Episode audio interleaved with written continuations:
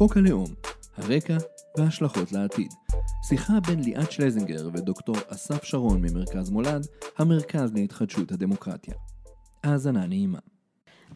אז אני חושבת שעוד משהו מעניין שאפשר לראות אה, סביב ההתארגנות סביב חוק הלאום, אני חושבת שהימין, ממשלת נתניהו הייתה די מופתעת מהתגובה, אה, וזה לא יהיה מופרך להגיד שכבר שבועיים הם די מלקקים פצעים, זאת אומרת, זה התחיל עם, ה, עם ההפגנה על, על הפונדקאות, שהוציאה עשרות אלפים לרחובות, אה, ואנחנו רואים מספרים אפילו עוד יותר גדולים שיצאו אה, להפגין נגד אה, חוק הלאום, ושם ראינו כבר ממש קאדר של ביטחוניסטים, אי אפשר להגדיר את זה כמשהו בשוליים, שמאל קיצוני וכו' וכו', אז הם עכשיו בעצם כל הזמן מנסים לראות איך אנחנו מגיבים לדבר הזה, וזה הפתיע לדעתי גם את הימין וגם את השמאל, ובואו אפשר גם לפרגן, השמאל נתן כאן fight יפה מאוד סביב, סביב חוק הלאום. אבל, אבל עדיין, אני לפחות יכולה להגיד מהתחושה שלי, ש, שזה נראה שיש המון המון אנרגיה והמון המון תסכול שיוצא לרחובות, ועדיין אנחנו באותו מקום, זאת אומרת, אה, זה לא מתרגם לאיזשהו שינוי פוליטי שאנחנו יכולים כרגע לראות אותו. אם עכשיו נעשה סקר אה, מנדטים, אנחנו כנראה נהיה באותו מצב. אה, מה אתה חושב על זה? אתה מזהה את זה גם ככה? טוב, אנחנו באותו מקום כי אנחנו עדיין באופוזיציה. ושום הפגנה לא תהפוך אותנו להיות לא באופוזיציה, אז זה, זה נתון. אבל צריך לשים לב שהאופן שבו המאבק הזה ניסח את עצמו היה מאבק נקודתי. המאבק על חוק הלאום הוא מאבק על חוק הלאום. הוא לא מאבק להחליף את השלטון, ואפילו הקפידו להגיד שההפגנה היא לא פוליטית ולא ידברו בה פוליטיקאים. אה, וההפגנה על הפונדקאות הייתה על הפונדקאות והיא הייתה של הקהילה הגאה ואין קשר לכאורה בין שני הדברים האלה, זאת אומרת זה לא מצליח להתרגם לחלק מתפיסת עולם קוהרנטית שיש לה עוגן פוליטי מאוד מזוהה ושאמורה להיות אה, אה, בסיס להחליף את השלטון הנוכחי כי הוא אותו שלטון שאחראי לכל הדברים האלה ביחד. בקיצור זה לא חלק מתמונה אחת גדולה ורחבה וזה לא מתרגם לכלים פוליטיים באופן מפורש. זאת אומרת שזה לא ימין ולא שמאל וזה משהו כן, ישראל היא אחד המקומות המאוד מיוחדים עכשיו בהקשר הזה, שיכולים להיות הפגנות, אה, היה ב-2011 הפגנה של 400 אלף איש, שהייתה לא פוליטית. ולא קראו בה להפיל את הממשלה ולהחליף את הממשלה האחרת, כשהנושאים הם נושאים אולטרה פוליטיים. אז יש פה את המחלה שה... שמאל הישראלי חולה בה כבר הרבה שנים של הפחד מפוליטיקה, מזיהוי פוליטי, מלקרוא לעצמו שמאל, מלקרוא לעצמו פוליטי ומה שהוא עושה פוליטי ולכן עם כל הרצון הטוב וכל ההתגייסות של הרבה מאוד גורמים, אנשים, ארגונים, אה, זה לא מה שיביא לשינוי, צריך לראות איך מתרגמים את זה לכוח פוליטי. בוא נתעכב על זה שנייה, כי זה, כי זה מעניין, כי בעצם מה שהימין עכשיו טוען, אני ראיתי ראיון של ריקלין וסגל את איילת שקד, והם שאלו אותם, זאת אומרת, את חושבת שבעצם הטענות של השמאל הן טענות פוליטיות? כאילו המילה פוליטי הפך להיות משהו מלוכלך. אה, וגם, וגם באמת, כמו שאתה אומר, זאת אומרת, הנציגים עצמם אומרים שזה לא פוליטי. איך, איך הגענו למצב הזה בכלל? לא, איך הגענו זו שאלה קצת היסטורית, אני לא בטוח שיש לנו את האנרגיות להיכנס לניתוח היסטורי, אבל אה, אה, כן, זה, זה מהלך... זה מהלך שקורה מדי פעם, כשאנשים מפחדים מהזהות שלהם אה, הפוליטית, ויש איזו מניפולציה שהיא מאוד מאוד אפקטיבית כשאומרים על משהו, טוב זה פוליטי. כי פוליטי זה יכול להיות שני דברים, זה יכול להיות הדבר, הפוליטיקה בפ' קטנה כמו שקוראים לזה, כן, שזה מין מאבקים על כוח ואינטריגות ואינטרסים ומי רוצה להיות בכיסא. וזה יכול להיות פוליטי במובן החשוב של פוליטיקה, שזה איך הדיון המשותף שלנו על איך אנחנו מנהלים את החיים הקולקטיביים שלנו. הבלבול בין שני הדברים האלה הוא, הוא אינסטרומנט מניפולטיבי מאוד מאוד אפקטיבי, וכשלא יודעים לעמוד מולו זה בדרך כלל חוסר אומץ וחוסר תבונה, והשמאל הישראלי סובל משני הדברים האלה כבר הרבה מאוד שנים, אז אין להתפלא. כשהפוליטיקאים שלנו בעצם אומרים על עצמם שהם לא פוליטיים. הם לא פוליטיים, כן. אה, זה, זה, הפוליטיקה היא נתפסת כמשהו מלוכלך. אה, כן, זה חבל. ועכשיו, יש כאן משהו בעצם מעניין נוסף, ש, שיש כאן בעצם קרב מאוד מרשים של הימין, והשמאל אמנם כן מצליח לגייס את, ה, את האנשים לצאת לרחובות, אבל אנחנו לא כל כך מצליחים להסביר אה, מה לא טוב בחוק הזה, אה, ושוב אנחנו מוצאים את עצמנו, אה, זאת אומרת, עם המון המון אנרגיות, ובתחושה שלי לפחות היא שיש איזושהי תחושת חירום, אמ, אבל אנחנו רק מכבים שריפות, זאת אומרת, אנחנו כל הזמן, גם התמכרנו להפגנות, אני חייבת להגיד את זה, כי אני מרגישה שמה עושים, אוקיי, מארגנים הפגנה במוצ"ש, מוצ"ש אחרי מוצ"ש אחרי מוצ"ש, אנחנו ברחובות, אמ, וזה לא... זאת אומרת, מה, זה לא מתכנס, איך אפשר לתעל את הדבר הזה כדי לבנות כוח פוליטי אמיתי, כמחנה? כן, זה, זה בלבול אה, נפוץ בין פוליטיקה אקספרסיבית לפוליטיקה אפקטיבית. הפגנות יכולות להיות אפקטיביות, בעיקר בהקשרים שיש משטר רודני או משהו כזה, שעצם היציאה לרחוב וההתרסה כנגד שלטון אה, דכאני היא בעצמה פעולה פוליטית, היא לא רק הבעה של עמדה. אבל במשטר דמוקרטי זה בדרך כלל הבעה של עמדה שיכול להיות לקוח מגייס, יכול להיות לקוח גם שישכנע, אבל בהרבה מקרים זה לא מה שקורה, זה פשוט תחושת קתרזיס למי שיוצא לרחוב ומרגיש שהוא פגש אנשים כמוהו והוא ביטא את דעתו בזעם וחוזרים הביתה מזיעים ומרוצים, אבל לא קורה שום דבר. אה, זו פוליטיקה אקספרסיבית שהיא מהווה תחליף לפוליטיקה אפקטיבית. חלק מהבעיה בלייצר פוליטיקה אפקטיבית זה שכדי לתרגם את האקספרסיביות לאפקטיביות צריך סדר יום וצריך מנהיגות. וצריך להיות מסוגלים לקשור את הנושא הפרטיקולרי שעליו יצאנו לרחוב לאיזשהו קונטקסט פוליטי יותר רחב, ואת זה אנחנו לא מצליחים לעשות. אז אני חושב שהזעם שהתגבש סביב חוק הלאום הוא אינדיקציה לזה שיותר ויותר אנשים מזהים שיש פה מהלך אה, דרמטי מבחינתם, אה, שמאיים עליהם, אבל הם לא יודעים להגיד מה בדיוק הבעיה, וזה נורא בולט שהדוברים של השמאל לא מצליחים להגיד בצורה מספיק ברורה מה הבעיה עם חוק הלאום. אמ, ובפרט הם לא מסוגלים להגיד שהבעיה עם חוק הלאום היא לא בעיקר ובטח לא רק אה, האפליה או הדרה של, של, של המיעוטים הלא יהודים בישראל, אלא שזה איום על הרוב היהודי בישראל, שהוא רוב לא דתי אורתודוקסי מתנחלי. את הדבר הזה הם לא יודעים להסביר, ו, ופה יש אוזלת יד, אני חושב, של המנהיגות שלנו, שלא יודעת להוביל את הציבור ו- ו- ולנסח עבורו את, ה- את תפיסת העולם ואת הביקורת שיש לנו על החוק הזה. כי הבעיה העיקרית בחוק הלאום זה לא מה שהוא אומר, אלא מה שהוא עושה, כמו שאבנר הסביר. אני חושב שהשמאל הפך יותר ויותר להיות סוג של אה, אה, קבוצת לחץ, כן, או, או advocacy של אה, קהילות מיעוט. זה יכול להיות הקהילה הגאה, זה יכול להיות אה, אה, המיעוטים הלא יהודים בישראל, זה יכול להיות עובדים זרים, פליטים. כל פעם זה יהיה קבוצה שהיא קבוצת מיעוט מוחלשת, ואנחנו אלה שאחראים לדאוג לאינטרסים ולזכויות של הקבוצות אה, מיעוט האלה. שזה הכל בסדר, כן, חשוב וטוב. כן, אף אחד לא, אף, זאת אומרת, זה באמת אף אחד לא מדבר בשמם. זה, זה מאוד חשוב ומאוד יפה, רק שהפוליטיקה לא מוכתבת מהמקום הזה. הפוליטיקה מתרחשת במקום של הטוב המשותף, ה-common good של החברה, מה הדרך הנכונה עבור החברה הישראלית בכללותה. בתוך זה יש מקום גם למה עושים עם המיעוטים ומה עושים עם המוחלשים וכולי, אבל אי אפשר להפריט את הפוליטיקה לאיזה סדרה של אינטרסים נקודתיים של קהילות מיעוט מוחלשות כאלה ואחרות. את הדבר הזה המנהיגות שלנו לא מצליחה לעשות הרבה מאוד שנים, חוק הלאום זו דוגמה מצוינת לדבר הזה, שאנחנו לא מצליחים להסביר לישראלי הממוצע שהוא לא אה, פלסטיני ושהוא לא אה, נוצרי אה, ושהוא גם לא דרוזי, למה החוק הזה הוא בעיה עבורו. לא בגלל שיש לו איזו מחויבות כלפי מיעוטים וזכויות אדם, שזה הכל חשוב וכבודו במקומו מונח, אלא למה זה מאיים עליו. עכשיו, אני חושב שאנשים חשים שזה מאיים עליהם, ולכן הם יוצאים לרחוב. כי זה באמת מאיים עליהם. זה באמת מאיים עליהם, רק שאנחנו לא הצלחנו עדיין להסביר מדוע. ולא הצלחנו להסביר מדוע, בגלל שחסר לנו אה, תפיסה מקיפה סיסטמטית, אלטרנטיבית למה זה המקום הזה ומה זה נקרא להיות, מה יכולה להיות אה, מדינת ישראל כבית לאומי לעם היהודי, לא במונחים שנפתלי בנט מנסה לכפות עלינו. אז אה, לטובת אה, מאזיננו שלא לא היו בפרק הקודם, בשני משפטים, אתה אומר בעצם שחוק הלאום מאיים על הרוב היהודי בעצם, ואני חושבת שכולנו מרגישים את זה, אבל אנחנו לא צריכים להסביר את זה. למה? למה החוק הלאום מאיים על הרוב היהודי דווקא? או גם. זה לא שהוא מאיים על הרוב היהודי או היותו רוב, זה לא העניין. כמו שאמרתי, הבעיה עם חוק הלאום היא לא מה שהוא אומר, אלא מה שהוא עושה. וקורה פה משהו נורא מעניין, שהדוברים של הימין אומרים מצד אחד שהחוק הזה, אין שום סיבה להתנגד לו כי הוא לא משנה שום דבר, הוא נאמן למדינת ישראל כמו שהייתה תמיד, לציונות ההיסטורית וכולי, בעצם לא שינינו כלום. מצד שני הם מסבירים לנו שלחוקק את החוק הזה זה קריטי לעצם קיומה של מדינת ישראל ולעתיד הציונות, לא פחות.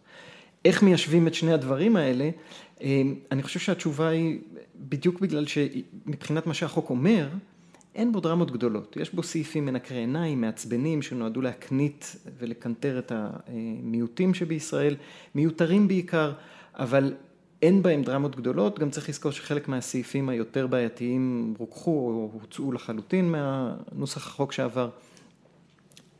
אבל מה שחשוב בחוק הזה זה מה שהוא עושה, ומה שהוא עושה זה שהוא מכתיב תפיסת עולם אה, מהותית, ערכית, לגבי מהי היהדות, והוא מנסה לבסס אותה בתור איזה תשתית שכולנו מחויבים לה, שמדינת ישראל בעצם תהיה מחויבת אליה, לא משנה מה הישראלים או אפילו היהודים הישראלים יבחרו לעשות כיהודים ישראלים. זאת אומרת, יש פה במובן מסוים שאלה של מה קודם למה, היהדות ליהודים או היהודים ליהדות. וה...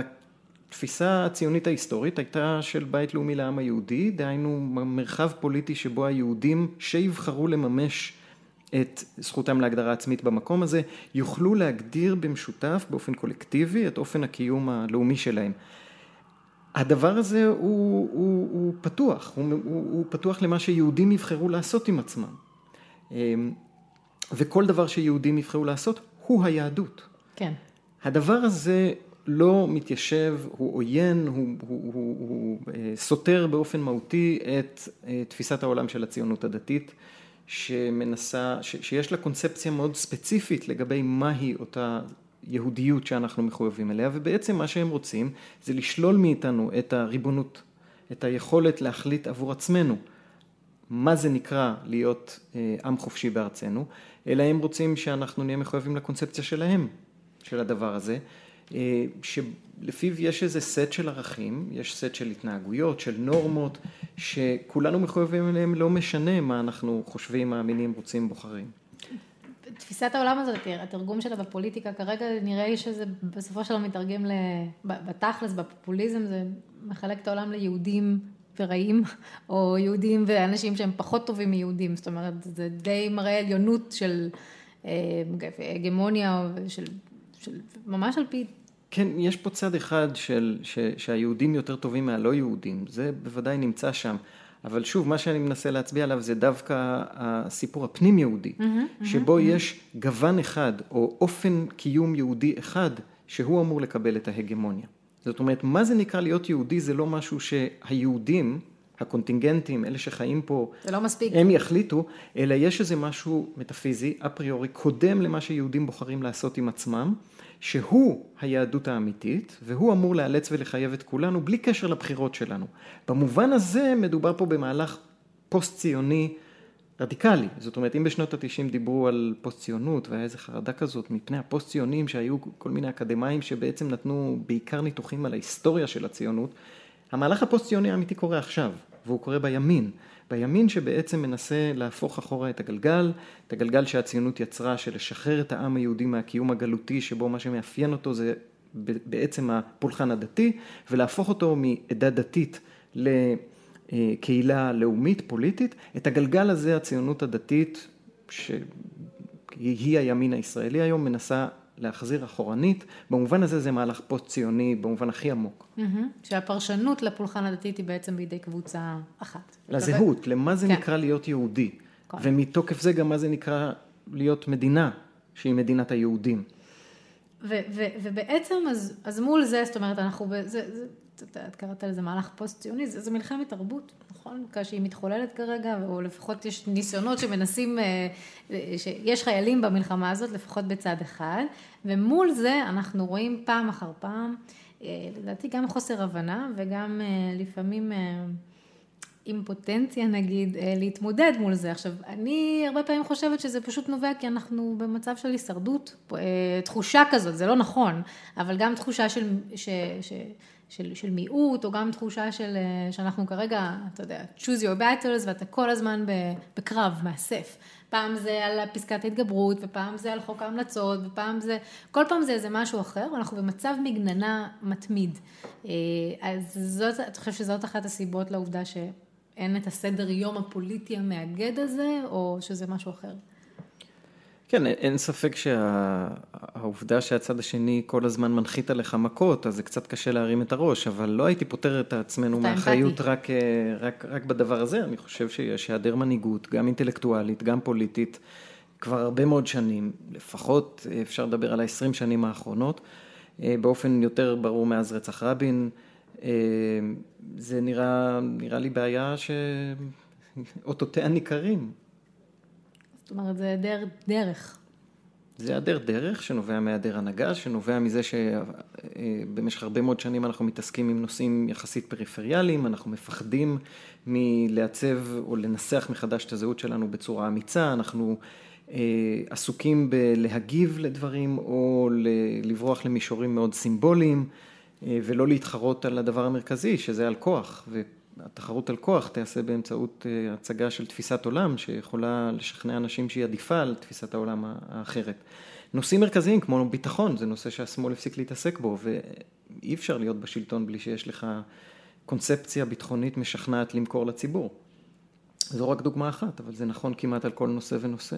אבל שני דברים אני יכול להגיד לך, אחד זה בטוח ישתנה כי פוליטיקה זה דבר דינמי ו, ו, והדבר השני שאני יכול להגיד לך זה שאנחנו לא נדע מראש איך זה ישתנה. זה יקרה, זה יהיה מפתיע, גם העלייה של הימין לא הייתה צפויה ב-94 או 95, אבל היא קרתה והיום זה נראה כמו עובדה מוגמרת. העלייה של טראמפ באמריקה לא הייתה נראית אה, משהו צפוי לאף אחד עד שעה לפני שזה קרה. אז אה, אה, אי אפשר לדעת מאיפה זה יבוא ואיך זה יבוא. צריכים להיות מוכנים לרגע שבו תהיה הזדמנות לייצר את השינוי הזה. אז, אז, אז בעצם אולי אפשר גם uh, לסיים עם איזושהי נימה אופטימית, שא' צריך להיות מוכנים, אבל אתה יכול להסביר, להרחיב על זה קצת, כי, כי היום יש תחושה ששוב, כאילו גם בכיבוי שרפות הזה, אבל כשאתה אומר להיות מוכנים, זה אומר שאתה חושב שזה אפשרי. והמון אנשים היום פשוט מאמינים באמונה דתית כמעט, שאי אפשר לנצח אה, בחירות, שהמחנה, שמחנה, אם אתה מקשיב לחדשות או לכל מקום, כן? שמחנה השמאל מצומק, גמור, על הפנים, לסגור את העסק, סוגרים את הבסטה, אה, ואתה דווקא אומר משהו אחר, אני כמובן לא מסכימה איתך, אבל אולי, אולי, אולי אתה יכול להרחיב על זה, כי הרבה מאוד אנשים יגידו, תקשיב, אתה חי בסרט. אז הדבר הראשון שהייתי אומר זה להפסיק לחשוב על הבחירות הקרובות. זה מחלה, מחלה ממארת, צריך להשתחרר ממנה. הבחירות הקרובות לא חשובות. מה שחשוב זה להיות מסוגלים לשקם את המחנה הפוליטי, את הדרך הפוליטית שאנחנו מאמינים שהיא טובה יותר למדינת ישראל, ו- ו- ו- ואת הכלים, את האינסטרומנטים שבאמצעותם יהיה אפשר לממש את אותה תפיסת עולם. אני חושב שלא עוסקים בדבר הזה כבר הרבה מאוד שנים, אז אין שום פלא שאנחנו גם לא מצליחים, וגם אם נצליח, אני אגיד לך יותר מזה, גם אם נצליח לגנוב בחירות באיזה קוניונקטורה כזאת או אחרת, לא יהיה לזה שום משמעות. וראינו את זה בעבר. אז... כי לא נשנה הייתי... את המציאות הפוליטית בצורה נכון, עמוקה. כי בשביל לשנות את המציאות הפוליטית צריך לא רק לגנוב בחירות, צריך שיהיה גם תפיסת עולם, צריך שיהיה אנשים שמסוגלים לממש אותה, צריך שיהיה מוסדות שיכולים לשאת את הרעיונות האלה, כל זה לא קיים. אז דבר ראשון, להפסיק לחשוב על הבחירות הקרובות. דבר שני, מה הייתי מציע, אז דיברנו על חוק הלאום, אז בואי ניקח את זה כדוגמה. חוק הלאום נולד במוחם הקודח של כמה אנשים, לא כוכבים גדולים במיוחד, אבל שהיו מאוד נחושים וראו קדימה, ואין סיסמה יותר נכונה מעם הנצח לא מפחד מדרך ארוכה. הדרך היא ארוכה, ואם אם, אם, אם מודעים לזה וצופים את זה, אז בונים את התשתית לאותה דרך ארוכה. אז אם את שואלת אותי מה צריך לעשות היום, צריך לחשוב על הדרך הארוכה. כמו שחוק הלאום נולד לפני הרבה מאוד שנים אצל כמה אנשים שבנו את המוסדות, הכשירו את האנשים, ניסחו את המסמכים, את הרעיונות, וגם את המסרים שבאמצעותם אפשר לשאת את הרעיונות האלה, ולקח לזה הרבה שנים, רק בכנסת החוק הזה מסתובב כבר שבע שנים. אז אותו דבר צריך לקרות מהצד השני, וזה לא ינצח את הבחירות הקרובות. אני כבר אומר, זה אולי יכול להשפיע על מה שיבוא אחר כך. אז לסיכום, אני, אני אשאל אותך, זה, זה נראה סביב חוק הלאום ש, שלימין יש איזושהי אסטרטגיה, אסטרטגיה מנצחת, ו, והשאלה היא האם האם השמאל, זאת אומרת, אין לו את האסטרטגיה הזאת פשוט, זאת אומרת, למה, זה, זה, זה תחושה, יש תחושה עכשיו ש, של אנרגיות של מאבק אה, אדיר, שוב, מדובר באוגוסט, כן, אז יש המון אנרגיות שמתועלת לרחוב, ובסופו של דבר הפתרון שלנו טוב יותר, ורוב הציבור מחזיק בעמדות שלנו, ועדיין אנחנו לא מבינים למה זה לא מתרגם להצלחה פוליטית. אז יש איזושהי אסטרטגיה שאנחנו לא מיישמים, אה, איפה, איפה קבור הכלב? אני חושב שצריך להפסיק לחפש איזו אסטרטגיה מנצחת, וצריך להשתחרר מהתמונה הזאת שיש איזה פטנט, ושפוליטיקה זה עניין של למצוא איזה גימיק, פטנט, אה, קמפיין מנצח, סלוגן מנצח, זה מחלה שהשמאל חולה בה. סוקר מחו"ל. סוקר מחו"ל. כשהימין היה על הקרשים ב-94 ו-95, אה, לא זכור לי שהם חיפשו איזה פטנט, מה שהם עשו זה הם התאבדו על הסיפור שהם האמינו בו, והם פשוט הלכו איתו עד הסוף, וניסו לקדם אותו ולצבור כוח כדי לממש אותו. ובעיקר אה, ניסו אה, עד כמה שהם יכולים להילחם על הדבר הבסיסי שבו הם מאמינים. וזה אני חושב משהו שהשמאל שכח איך עושים אותו. אני בספק מאוד גדול לגבי רוב מנהיגי השמאל, אם בכלל יש להם איזה מין משהו כזה שהם מאמינים בו. אם היינו שמים את אבי גבאי בפינה והיינו שואלים אותו מה הדבר שהוא באמת מאמין בו, על מה הוא הולך להתאבד, אני לא בטוח שהוא מצליח לענות תשובה קוהרנטית. אני בטח לא יודע מה התשובה הקוהרנטית שלו, למרות שהוא יו"ר מפלגת העבודה כבר די הרבה זמן. זה נכון גם לגבי יתר המפלגות, לא, לא נטפל דווקא אליו. אמ, אנחנו מפחדים להגיד מי אנחנו, במה אנחנו מאמינים ועל מה אנחנו רוצים באמת להילחם.